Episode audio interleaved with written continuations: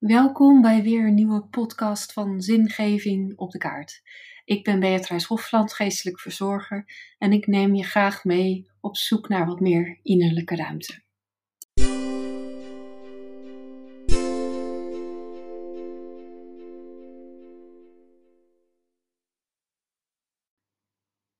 En vandaag wil ik even stilstaan bij verlies en verdrietervaringen.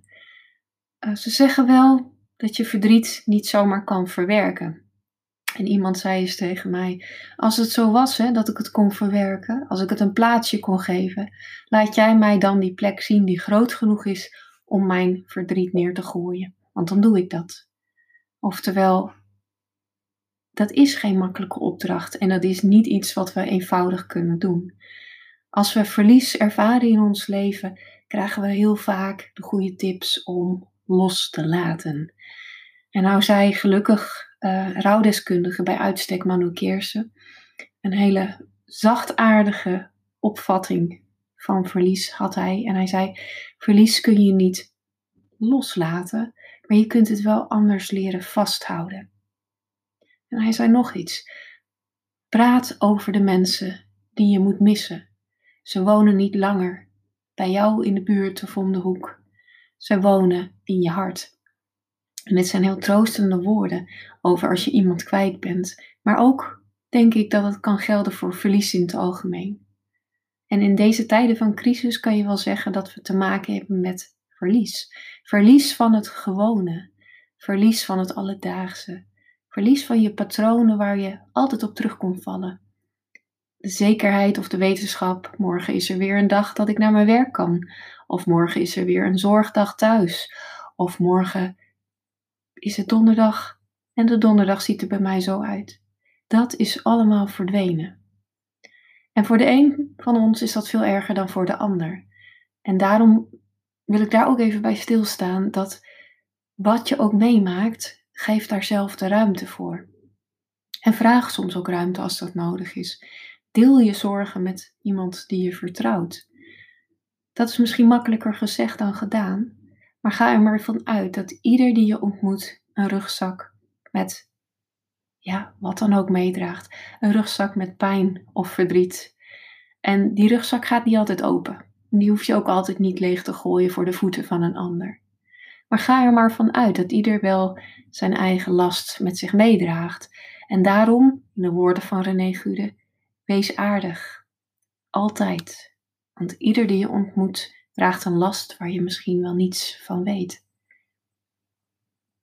In tijden van crisis spreken mensen ook over verbondenheid.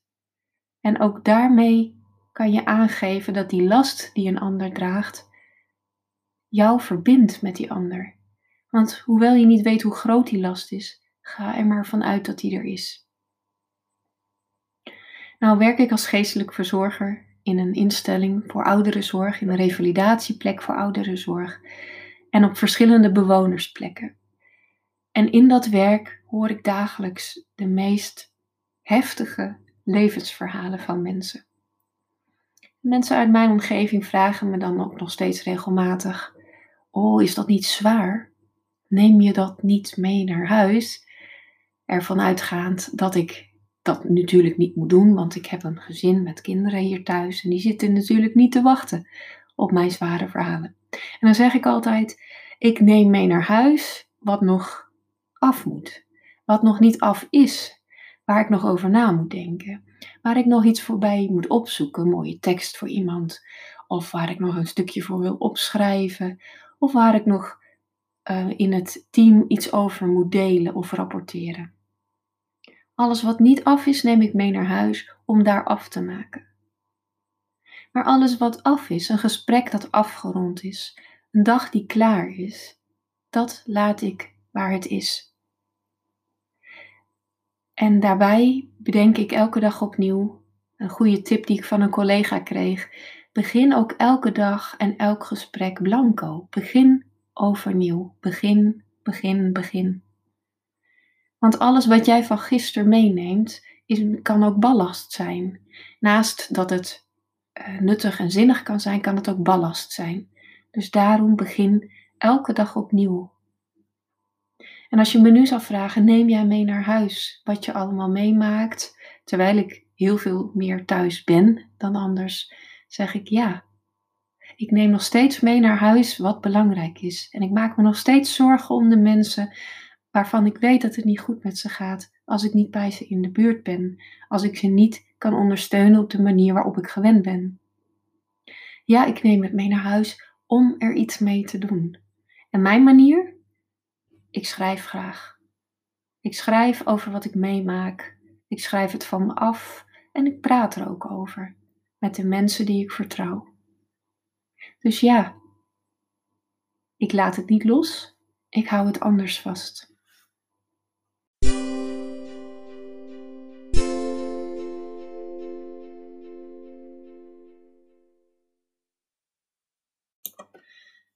Nou zijn er deze dagen veel tips en heel veel links en teksten en lijstjes van deskundigen die zeggen: zo moet je omgaan met deze lastige tijd.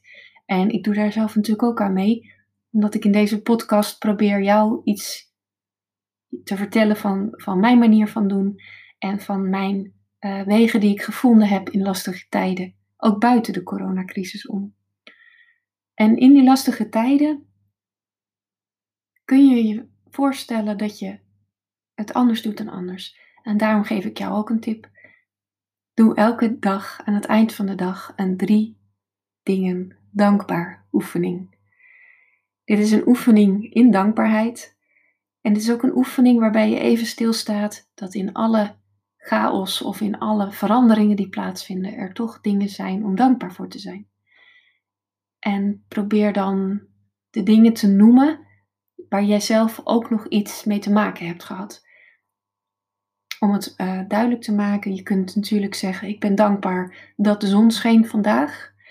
Maar sterker nog is te zeggen: Ik ben dankbaar dat ik de tijd heb genomen om even van die zon te genieten vandaag.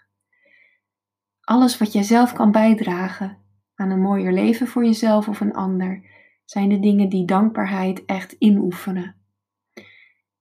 En wat ik van een cliënt van ons geleerd heb, is als je dat elke avond doet, deze meneer die noemde er wel tien elke avond, waar ik erg van onder de indruk was, zijn leven lang al. Hij zei, als ik weet dat ik die avond tien dingen moet noemen, dan ga ik overdag al op zoek naar dingen om s'avonds te kunnen noemen. Oftewel, je bent veel meer gefocust op de dingen die fijn zijn. En dat in tijden dat de dingen lastig zijn, is natuurlijk een heel goed uitgangspunt. Dus deze tip, beproefd en wel, geef ik je graag mee. En tot slot, ja, woorden die mij erg tot steun zijn, elke dag opnieuw. Geef me de kalmte de dingen te aanvaarden die ik niet kan veranderen. Geef me de moed dingen te veranderen die ik wel kan veranderen. En geef me de wijsheid om het verschil tussen deze beide te zien.